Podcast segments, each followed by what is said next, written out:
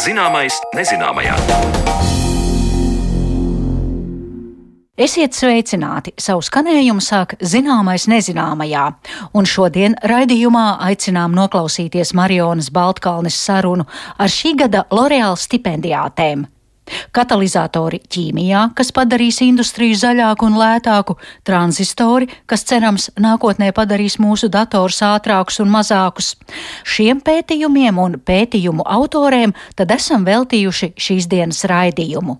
Bet pirms tiekamies ar laureātiem studijā, aicinu ieklausīties arhīva sižetā par zinātnes ietekmi uz sabiedrību. Kā liecina 2022. gada nogalē veiktais pētījums zinātnes patēriņu un līdzdalības izpēti pagājušajā gadā, tad 77 no aptaujātajiem respondentiem pēdējo 12 mēnešu laikā bija piedalījušies kādā ar zinātnes patēriņu un līdzdalību saistītā aktivitātē. Piemēram, skatoties ar zinātni saistītus video vai raidījumus, meklējot ar zinātni saistītu informāciju internetā vai apgūstot jaunas prasmes vai zināšanas.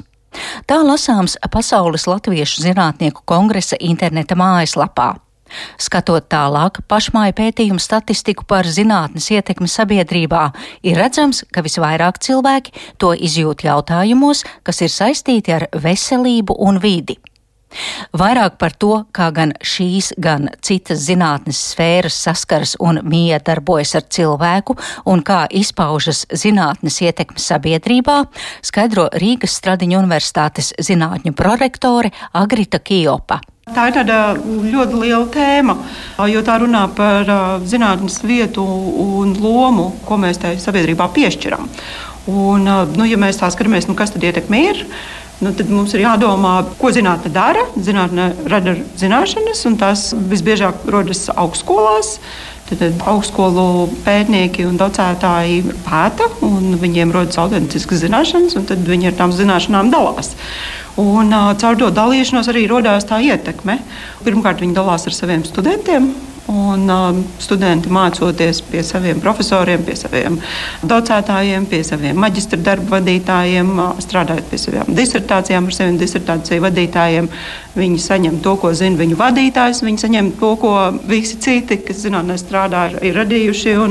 Viņi var no tā strādāt un domāt. Un faktiski mēs runājam par to, ka cilvēks ir izglītots. Ja? Nu, tā ir tā viena ietekmes daļa, ietekmes sfēra.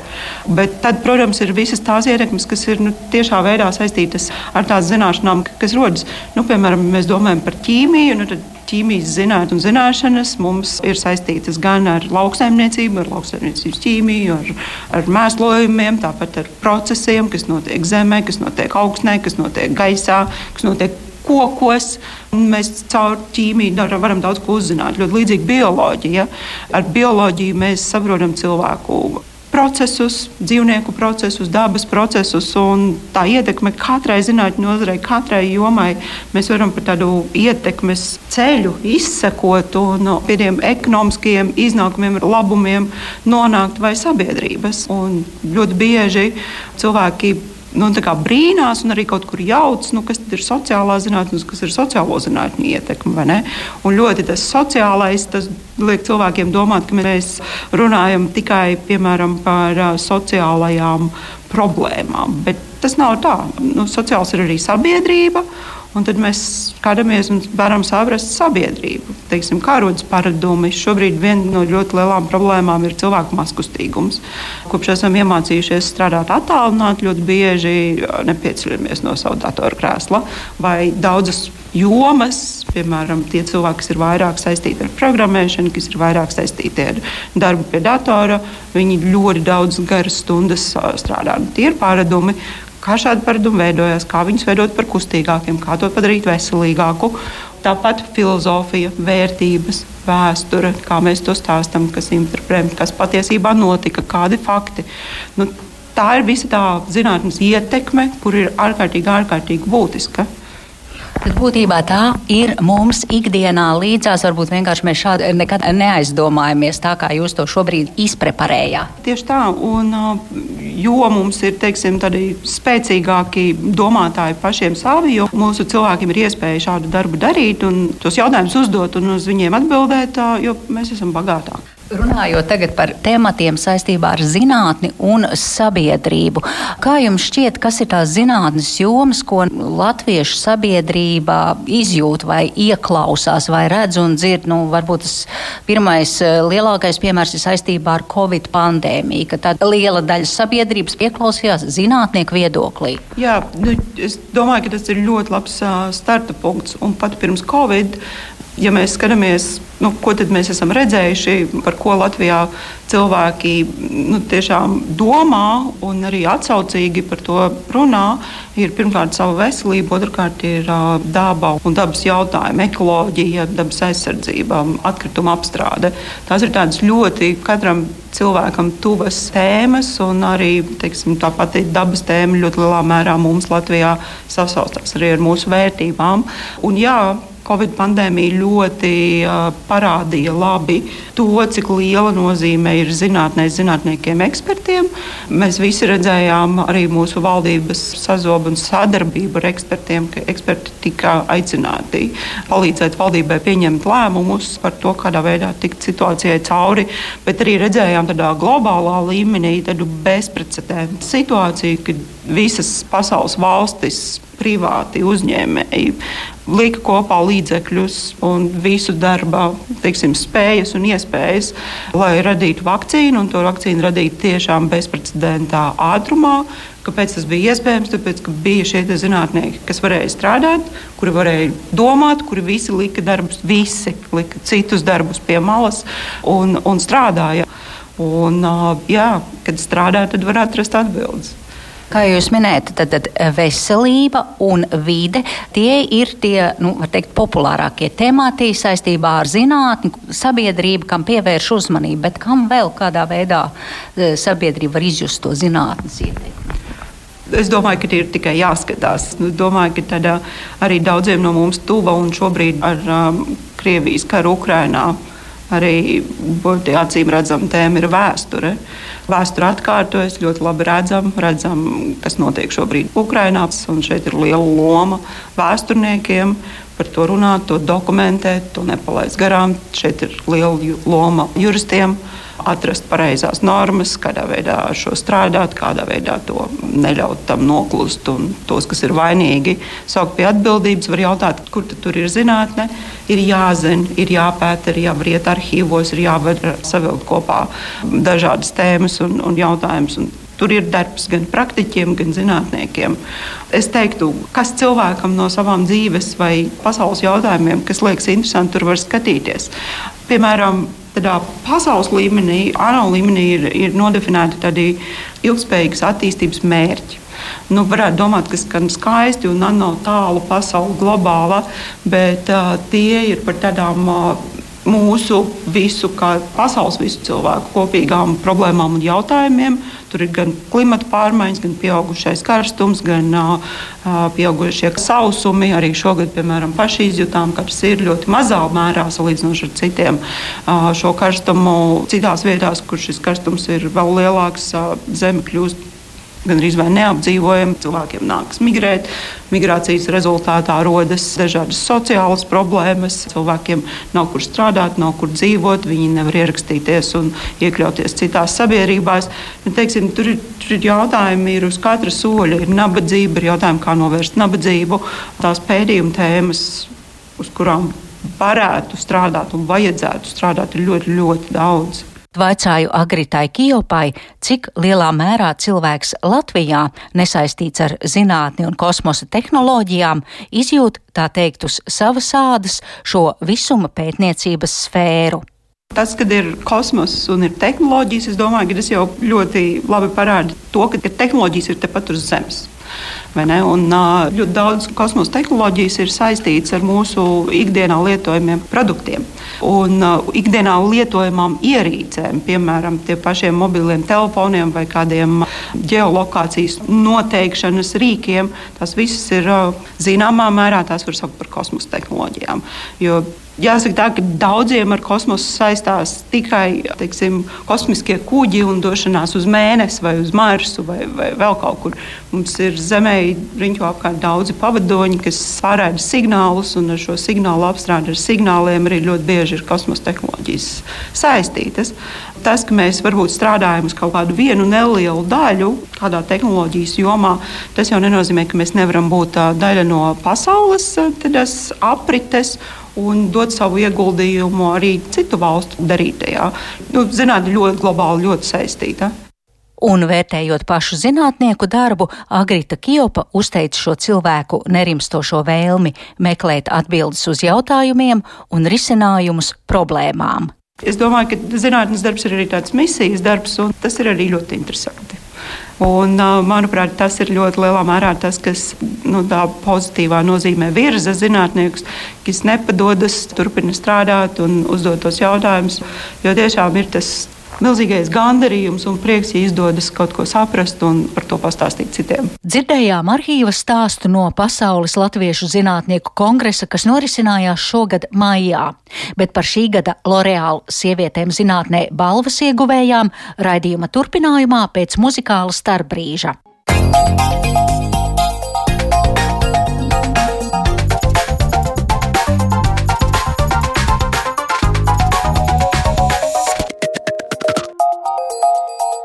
Zināmais nezināmajā.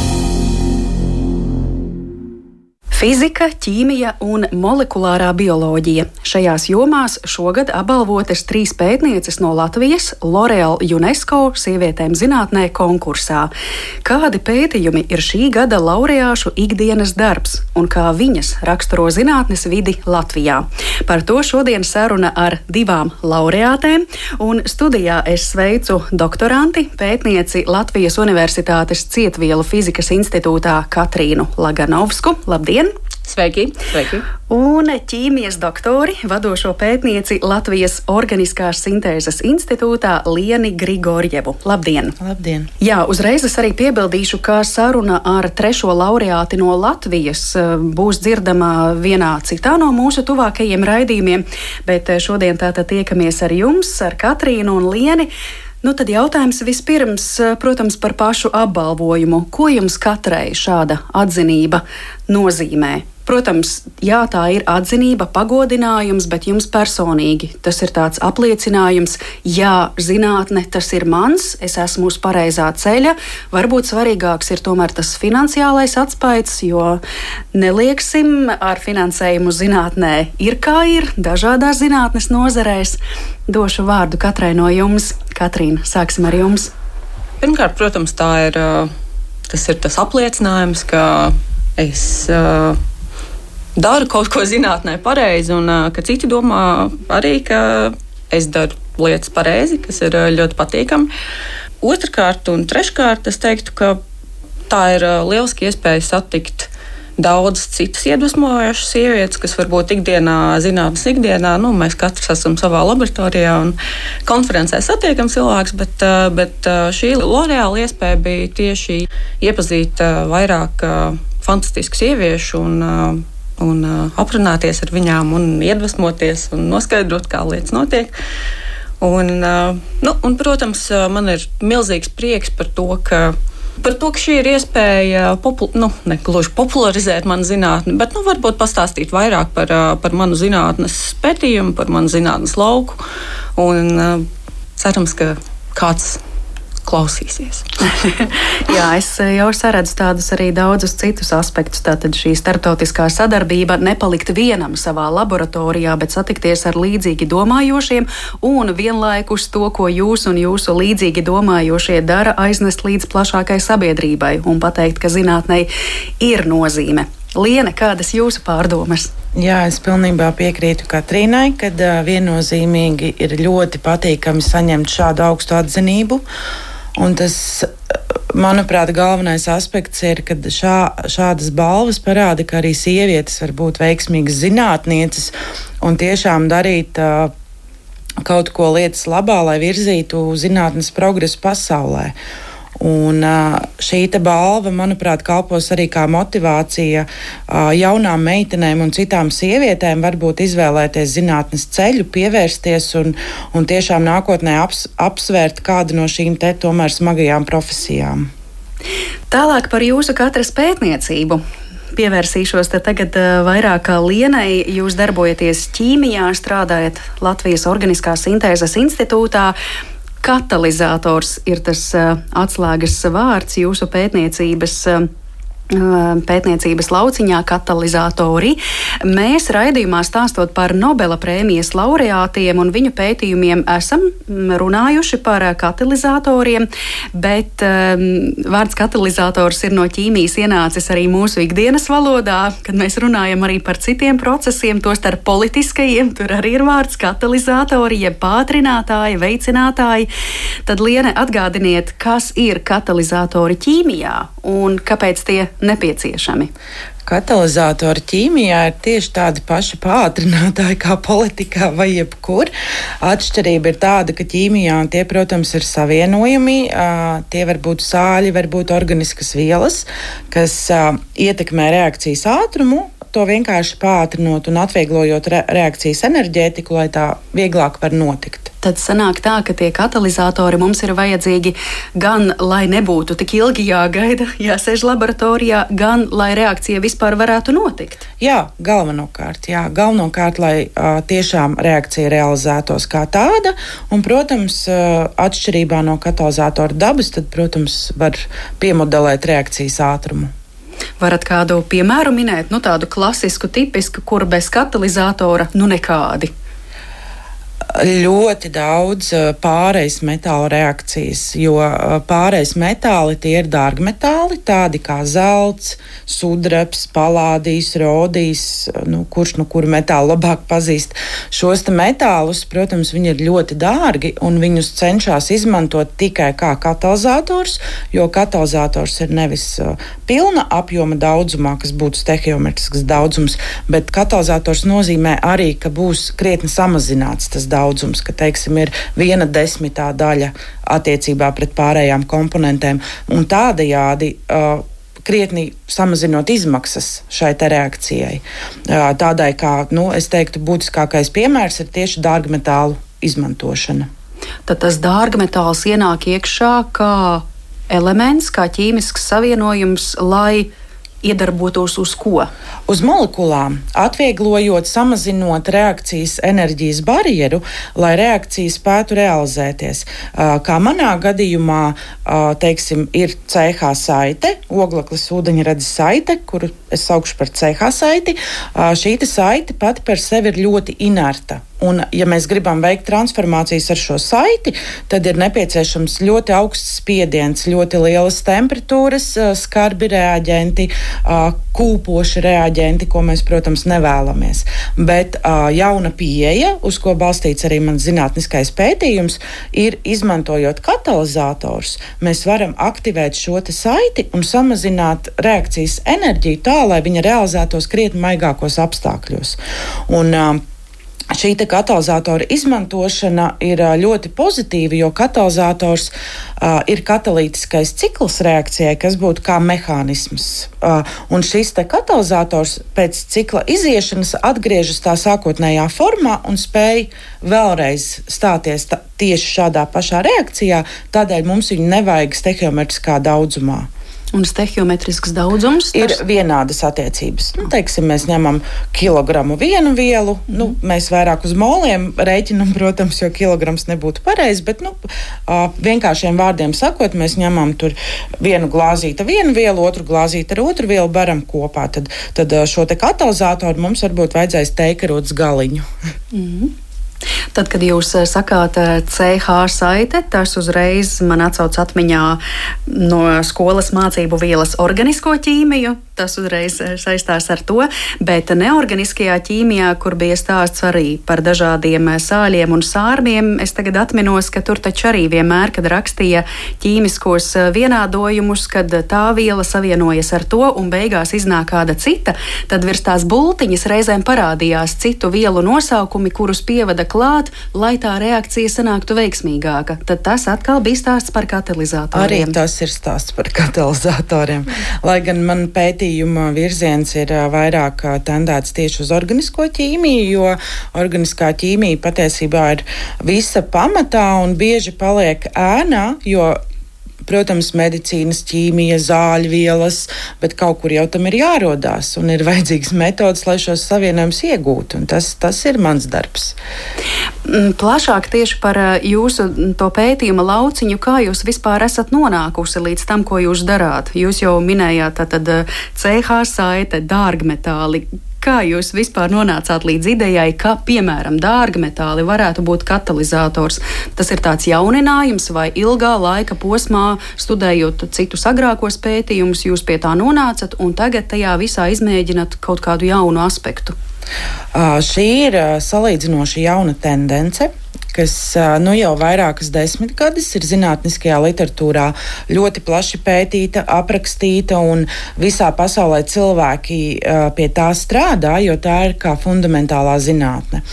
Un, apstākļu sakritības dēļ man sanāca pēc doktorantūras stāžēties Houstonas Universitātē, profesora Dauguļu grupā kurā tieši kā viena no pamat tēmām ir tieši CH saites aktivēšana, izmantojot dažādus metālus. Un tad veiksmīgu apstākļu sakritībā tad, mums izdevās atrast ļoti fundamentālas lietas, kuras pavēra iespējas tālākiem pētījumiem.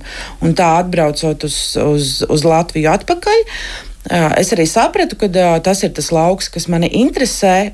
Viņš ir jauns, un tur ir ļoti daudz ko pētīt. Tādēļ es kā vienu no virzieniem paņēmu un ieviesu šeit kas ir tie dārgmetāli, kurus jūs skatāties, un te uzreiz rastos jautājums, cik praktiski tie ir pieejami? Um, mana pētījuma mērķis tieši ir izvairīties no šiem dārgmetāliem un aizstāt tos ar uh, krietni lētāku, vidē draudzīgāku un, protams, dabā vairāk izplatītu kobalta metālu.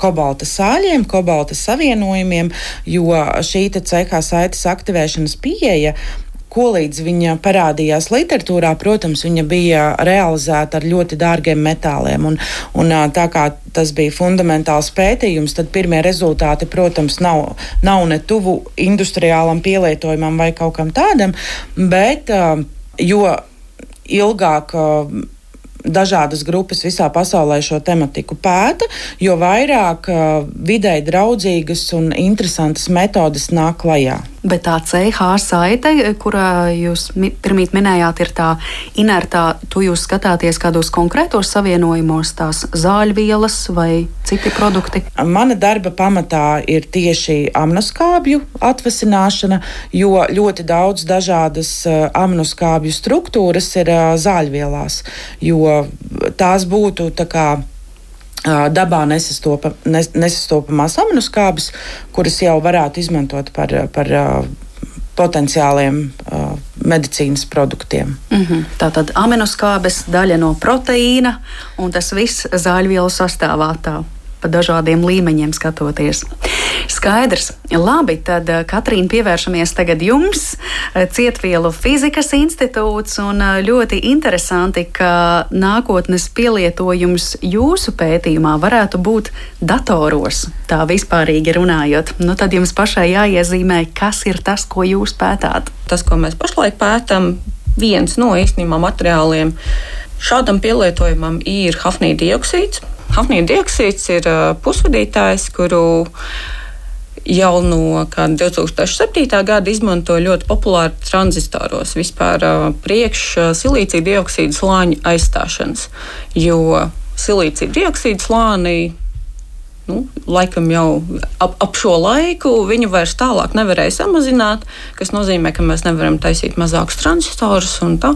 un tad, jā, man šķiet, 2007. gadā Intels sāka, sāka pielietot hafnija dioksīdu transistoros. 2011. gadā šajā hafnija dioksīdā tika atklāta jauna fāze.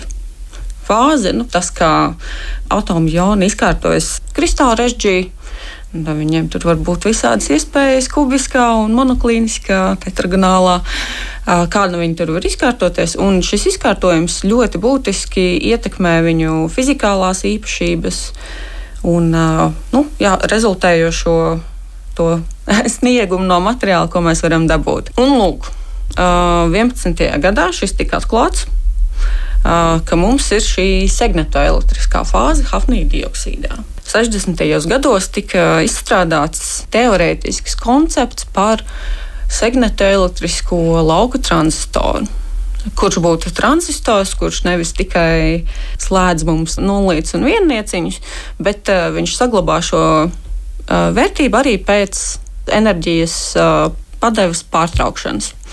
Nu, jā, nu, īsāk sakot, darbojas kā atmiņa. Un tad uh, lūk, bet, bet 60. gados izdomāts, un līdz mūsdienām tas pa lielam ir realizēts tikai kaut kādos ļoti, ļoti nišas apstākļos. To noteikti, tas noteikti nav realizēts gana komerciāli daudz, jo mums nav bijuši visu šo laiku, šos 60 gadus mums nav bijusi, bijuši piemērotie materiāli. Un tad, lūk, šajā 2011. gadā mēs atklājām Hafnijām šo segmentu elektrisko fāzi, tas ir aizsācis jau pavisam tādu jaunu vilni šajā nozarē, kur, jā, protams, tiek pētīts hafnija dioksīds, bet nu, hafnija dioksīdam jāsaka, ir, viņš ir ļoti cimperlīgs un viņam, viņam tur uf, vajag visādas apstākļus nodrošināt, lai, lai viņš būtu tieši šajā fāzē. Un tad, jā, šis ir šis nāk kā mūsu glābējs sākotnēji, bet tagad jau ir arī, piemēram, cinka, cinka oksīds ar magnīju. Ir arī ticis apsvērts, to mēs jau esam iesākuši arī skatīties. Un, Tālūk. Mm. Kamēr jūs stāstījāt par hafniju, es mēģināju acu priekšā atsaukt ķīmisko elementu periodisko tabulu. Kur tas vispār atrodas. Un es nespēju atcerēties, bet tas, protams, ir tur atrodams. Vai tas ir kaut kas jaunradīts? Nē, tas nebūtu nav jaunradīts. Īstenībā hafnijas ir tā saucamais dviņu materiāls cirkonioksīdam. Cirkonioksīds, es domāju, mums ir visiem zināms daudz maz, vismaz dārglietās, zobārstniecībā izmanto. Jā, Daudz pielietojumu katram materiālam, protams, ir ļoti daudz dažādu pielietojumu, skatoties no kāda, no kāda skatu punkta uz, uz viņu skatās. Un hafnija dioksīds pa lielam ir šāds dviņu materiāls.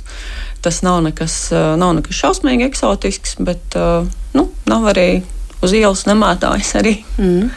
Bet tad, Katrīna, sanāk kā? Jūs arī studējāt šos agrākos pētījumus no tiem pašiem 60. gadiem vai agrākām desmitgadēm, un tur jau parādījās informācija par Hafniju, ko jūs tagad izvēlējāties savam pētījumam. Tas būtu skaisti. Es lepotos ar sevi, ja es būtu izrakusies no, no 60. gadiem un nonākusi līdz uh, tēmai patstāvīgi, bet aizsākās ar to, ka tā bija mana doktora darba tēma, kuru man tajā laikā ieteica doktora darba vadītājs pirmajos gados es pat īsti nebiju aizrakusies līdz tam, ka šis ir nu, tā kā tas bija. Zinātnē viss kustās ļoti lēni, un tas, ka tas tika atklāts pirms desmit gadiem, nenozīmē, ka viss jau ir izdarīts un viss ir galā. Un tāpēc, jā, kaut kur doktora darba laikā es atklāju, atklāju par šo segmentu elektrisko īpašību un uh, fantastiskiem pielietojumiem, un es praktiski. Es esmu momentā. Es izlasīju publikāciju, es momentā gāju pie laboratorijas priekšnieka, saku, šis mums ir jāpēta. Mm -hmm. Tad kā jūs raksturotu, ko nozīmētu šāds nākotnes eh, jaunais dators? Līdzīgi kā Lienai, kas būtu tas lielais mērķis - panākt to, ka dators ir izmēros mazāks un ka tas turpina dzīvot arī tad, kad tam teiksim, tā atkal vienkāršoti izslēdz baterijas? Kas būtu tas, ko, pie kā jūs gribētu nonākt? Šis transistors ļautu izveidot jau pavisam jaunu datoru arhitektūru, kas ir ar datoru arhitektūru, kur, kur mums tiek domāts tas, kā mūsu atsevišķie bloki, kas nodrošina mūsu datoru darbību, teiksim, savstarpēji saziņās. Ja, ja pašlaik mums ir processors un atmiņa ir divi dažādi bloki, un, protams, rodas gan aizturi, gan laiks, gan nu, jā, tiek zaudēts iespējams cits potenciāls iespējas. Uh, sazinoties starp šiem atsevišķiem blokiem, tad veiksmīgas realizācijas gadījumā, ja mums ir šis uh, segmentēliskais lauka efekta transistors, tad uh, Mēs šos divus atmiņas un procesēšanas blokus saliekam vienā, un, protams, tad pavisam mainās veids, kā dators darbojas, jo nav tas tunelis starp atmiņu un uh, procesoru. Jā, ko tas atvieglotu mūsu tādā ikdienas datoru lietošanā? Tas nozīmē, ka datori, protams, būtu krietni ātrāki, jo mums iznīcinam šo saziņas laiku, šo saziņas tuneli. Un otrs noteikti arī būtu mazāk izmēros. Un, man pat ir uh, grūti prognozēt, kā tas izskatītos jau. Nu, teiksim, mazākos datoros, kā telefonos un vietāluņos, bet uh, tas noteikti jā, būtu, būtu interesants pagrieziens uh, datoru vēsturē. Mm -hmm. Es pieminēšu no malas klausoties, viens no arī uh, potenciāliem, varbūt pielietojumiem noteikti būtu robotikas uh, uh, joma kur mūsdienās cenšas automatizēt dažādus procesus, izveidot, um, samazināt uh, cilvēka darbu, uh, aizstājot to ar iekārtām. Es domāju, ja šādi te uh, tiešām, kā Katrīna stāstīja, ja viss izdotos, tad es domāju, ka būtu ļoti liela izaugsme tieši šai robotikas jomai. Jā, jā protams, nu, ja mums ir mūsu mūra likums, kur, kur ik pēc cik tur gadiem mums tranzistoru skaits pieaug, pašlaik mums jau ir, ir, ir grūtības sakot šim mūra likumam, bet šī būtu tāda izēja, kā mums turpināt sekot šim mūru likumam. Un, protams, tas nodrošina arī, arī visu šo jā, pielietojums robotikā un, un nu, praktiski jā, visās, visās šādās ierīcēs. Mm. Izrietot no šīm segnata elektrisko metālu īpašībām, nu kā tagad sanāk tā, mēs lietojam datoru, mums ir vajadzīga elektrības padeve, un tad, kad tās, tā beidzas, nu tad dators izslēdzas viss. Un te es domāju, vai šie jaunie metāli, materiāli palīdzētu tad datoram ilgāk autonomi, piemēram, darboties. Nav tā, nu, lai, lai pats transistors darbotos, mums tomēr ir jāpievada šī enerģija. Tas, tas kas mainās, ir tikai, ka izslēdz, beidzot šo enerģijas padevu, tranzistors atcerās, ko viņš darīja pirms, pirms tam. Mm, nav skaidrs. Vēršot atkal skatu uz jums abām un par eh, jūsu ceļu zinātnē. Ja atkal mums ir jāiedvesmo kāds mūsu klausītājs, varbūt arī gados jaunāks klausītājs, vai jūs jau agrīni esat abas sapratušas, ka vēlaties strādāt zinātnē?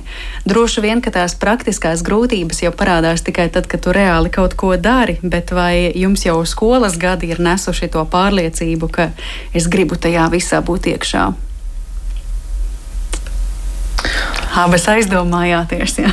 ir ļoti grūti atbildēt uz šo jautājumu, jo um, vismaz manā laikā, skolas gados, uh, īsti pat nebija nejausmas, ar ko tad zinātnieks īsti nodarbojās. Jo um, nebija ekskursijas, nebija uh, informācijas, informatīvi klipi, YouTube nebija tur praktiski. Un, un līdz ar to tā informācija par uh, to, ar ko patiešām zinātnieks nodarbojās, bija diezgan limitēta. Manuprāt, vairāk man personīgi. To ceļu uz zinātni vairāk virzīja tieši raksturīpašības, tā vēlme izzināt un, protams, risināt problēmas un izmeklēt. Un, un es teiktu, jā, ka man tieši vairāk raksturīpašības, netik ļoti informācija par to vispār zinātnes procesu kā tādu. Zinātnieka gars, pacietība, pilnīgi noteikti. Un, Katrīna, kāds jūsu stāsts jums ir kāds pamudinātājs bijis? Pamudinātāji īstenībā ir bijuši daudz, kas vienmēr, vienmēr kaut kā man ļoti paveicies ar cilvēkiem, kas man ir apkārt. Un, kaut kā šie cilvēki vienmēr šausmīgi fantastiski. Bijis vienmēr iedvesmojoši uh, būt šādā cilvēku lukā, bet nē, tas, ko uh, par, par, par bērnību es uh, vienmēr noteikti esmu bijis tāds diezgan eksakts cilvēks. Un, uh, man interesēja, jā, es bērnībā nu, mēģināju izjaukt visādas iekārtas, paskatīties, kas tur notiek labs. Bet uh, jāsaka, īstenībā tas ir. Sākuma skolas, pamatskolas uh, vecums ir tieši visgrūtākais, uh, kurā nu, es, ar, es arī gāju uz visādiem pulciņiem, piemēram, elektronika un uh, nezinu, ko tur piedāvāja. Gāja uz visas, uz visiem pulciņiem gāja. Bet jā, šādos, teiksim, elektronikas pulciņā nav jau tā, ka kāds tevi atklāti mēģina izraidīt no turienes, bet uh, pasniedzēja viss bija kārtībā. Tomēr nu, tā ir grūta vide, kurā būt vienīgajai sievietei. Un uh, tieši šajā vecumā man šķiet, ka arī daudzas, uh, daudzas meitenes saprot, ka nu, Viņas tur nav aicinātas, viņas, viņas tur neiedaras, viņas nu, vai kautrējas un tā.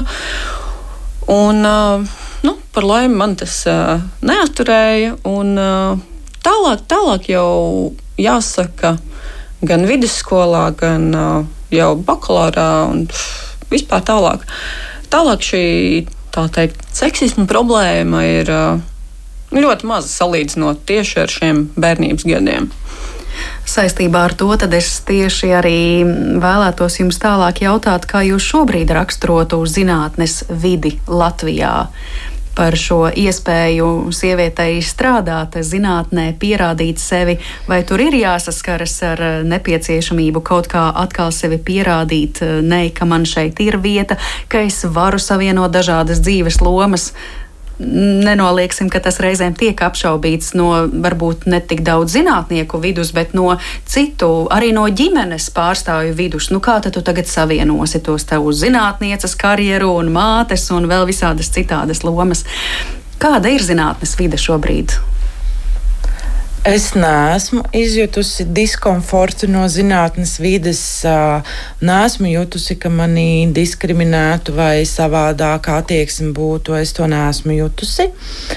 Uh, bet uh, atzīšu, ka uh, krietni grūtāk sievietē ir ieņemt augstu amatu tieši tādēļ, ka ir jāsavieno personīgā dzīve, tomēr bērniņi un viss mātes loma un tā tālāk ar jau zinātnieces karjeru. Un kā mēs zinām, arī tīri runājot par uh, profesionālo um, izaugsmi, kaut vai tieši to pašu uh, rezumē, jeb CV, kad uh, arī šajā CV tev tomēr parādās, ka tu esi bijusi ārpus zinātnes to pusotru gadu, vai, vai ja gadījumā, ja ir viens bērns, vai pat ilgāk, ja ir vairāki bērni.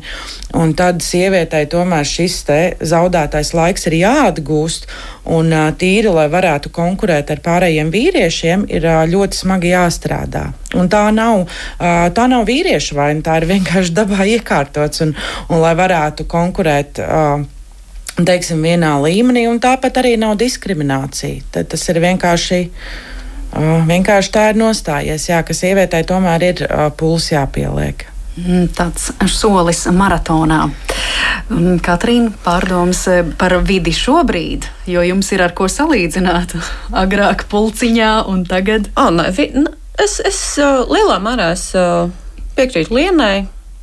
Attieksmes ziņā nav nekāda problēma, bet, protams, visi šie pienākumi, pienākumi noteikti uzliek sievietēm, uzliek šo papildus nastu un skatoties no statistikas, tad uh, Izrādās, ka nu, skatīsimies Igaunijas statistiku šoreiz. Igaunijas statistiku skatoties, gan bakalaura, gan maģistra grāts sievietēm ir vairāk. Ir vairāk sieviešu ar bakalaura vai maģistra līmeņa grādu. Un tad jau pie doktora studijām šis sāk strauji nokristies un uh, turpina kristies līdz nu, pieaugot uh, pozīcijas svarīgumam. Šis turpina samazināties vairē, vairāk un vairāk. Vai tas ir smago izvēļu dēļ, grūti komentēt, bet nu, ir, ir, mums, ir mums problēmas joprojām kaut kādā mērā gan, gan, gan no sākuma, gan agrīnajā periodā, gan arī uz, uz jau pavisam tādiem avansētākiem zinātniekiem. Nu, kā Alleža statistikā ir mazāks procentuālais īpatsvars tajā pavisam sliktu atzīmju kategorijā un tajā pavisam labo atzīmju kategorijā. Vidusposmā ir plus mīnus viss kārtībā un tur cilvēku parasti ir vairāk. Bet, piemēram, vai jūs abas esat saskārušās ar tādiem jautājumiem, nu, kāpēc tāda balva ir vajadzīga speciāli sievietēm? Kādam jaunam vīrietim varbūt arī ir ļoti vajadzīga vajadzīgs tur finansiāls atbalsts, lai nopirktu reaģentus un to un to. Un Latvijā jau salīdzinājumā ar citām valstīm mums tomēr dzimuma līdztiesībā ir labāk nekā citur, kāpēc tad jūs tā esat speciāli izdalītas atsevišķi? Ir nācies to piedzīvot? No kolēģiem es esmu dzirdējusi, ka vajadzētu ierosinājumu džileta balvas vīriešiem, uh, bet uh, tas noteikti ir kā uh, teiksim, tādā joka formā, jo vīrieši ļoti priecājās. Vismaz mani kolēģi un uh, vīrieši, kas ir apkārt, viņi ļoti priecājās, ka tieši sievietēm ir, jo, jo tiešām vīriešiem ir ļoti daudz arī saprot, ka vīriešiem ir krietni līdzenāks tas ceļš uz, uz, uz zinātnes panākumiem un karjeru. Tīri tādai, ka tēva un zinātnieka loma ir krietni vieglāk savienot kā mātes un zinātnieces. Tādēļ uh, tikai eh, tādā joka līmenī, bet uh, es domāju, ka visi ļoti priecājās uh, nav tā, ka kāds ļoti protestētu vai raudātu, un tas nav manīts. Mm -hmm. Noslēdzot mūsu sarunu, tad eh, šobrīd jums eh, šī L'Oreal balva ir tāds skaists atspēriena punkts, lai dotos tālāk. Varbūt eh, kas būtu tas nākamais lielais atskaites punkts, ko jūs sev katra individuāli redzat? Piemēram, Liena, jums tāda pārliecība, ka jā, kobalts strādā un liksim to lietā visur. Katrīna, jums varbūt sagaidīsiet drīzumā mazu nākotnes datoru. tas, būtu, tas būtu fantastiski. Jā, nu, jā galvenais, nē, nu, tas vislabākais, ja mēs atrastu pavisam jaunu materiālu, kurš būtu tik fantastisks, ka neviens nekad neko tur nevarētu pateikt. Bet, bet jā, nu, ņems. Ņemšu, ko liktenis dos. Bet ir reāli tad tuvākajos gados to mazo datoriņu sagaidīt ar Hafniju? Tu, tuvākajos gados? Nē. Protams, nē, zinātnē, nu, šādi, šādi īpaši tik lielas tēmas. Zinātne, diemžēl, nu, tas, tas ir inkrementāls pasākums un, un pirmkārt jau. Pat ja zinātnieki ir izpētījuši, ka lūk, manā šajā mazajā laboratorijā strādā šis un šis, un mēs iegūstam šādu materiālu, tas laiks, kamēr tas aiziet līdz industrijai, kamēr industrija atstrādā to pēc savām uh, pēc savām metodēm un ražošanas iespējām. Un, pirmkārt, jau nu, mērogojamība, ka to var, vispār var uzražot masveidā, tas ir, tas ir diemžēl ilgāks laika posms. Mhm. Un es varu no savas puses pieminēt, ka ļoti lielu uh, daļu laika no tā, kad mēs esam kaut ko atklājuši, un lai tam ir pielietojums, aizņem arī uh, tas, ka ir jāpiesaista finansējums. Jo, ja mēs kaut ko gribam pārvērst uz kaut ko lielāku, ir um, cilvēks par to jāpārliecina, ka tas ir labs, ka tur ir vērts ieguldīt naudu, ka to mums vajag pētīt, lai mēs tālāk varētu to attīstīt. Jo, jo protams, laboratorijas mērogā mēs neko nevaram attīstīt tādu, kas būtu uzreiz ieliekams vai datorā vai ražojams. Tas viss ir, tas viss vienkārši ir solis uz kaut ko tālāk. Un, līdz ar to ir jāpārliecina industrijas pārstāvi, jāpārliecina finansējuma devēji par to, ka šis tiešām ir labs, to ir vērts pētīt un ieguldīt tajā naudu. Līdz ar to es nojaušu, cik daudz vēl laika, enerģijas un spēka jums abām būs nepieciešams. Šis viss izskatās kā tāds, es pirmie teicu, atskaites punkts, drīzāk neliels komats garā, garā stāstā.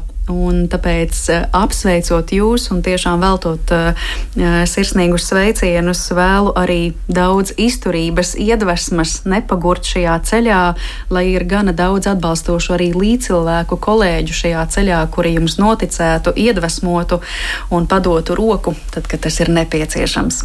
Lielas paldies jums abām! Paldies, paldies jums, Lēsija!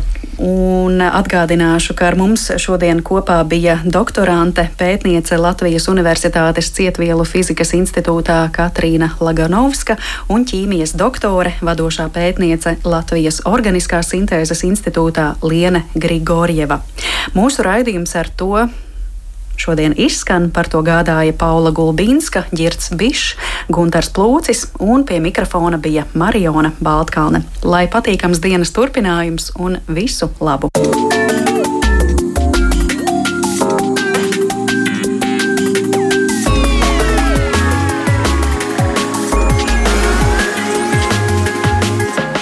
Zināmais nezināmajā.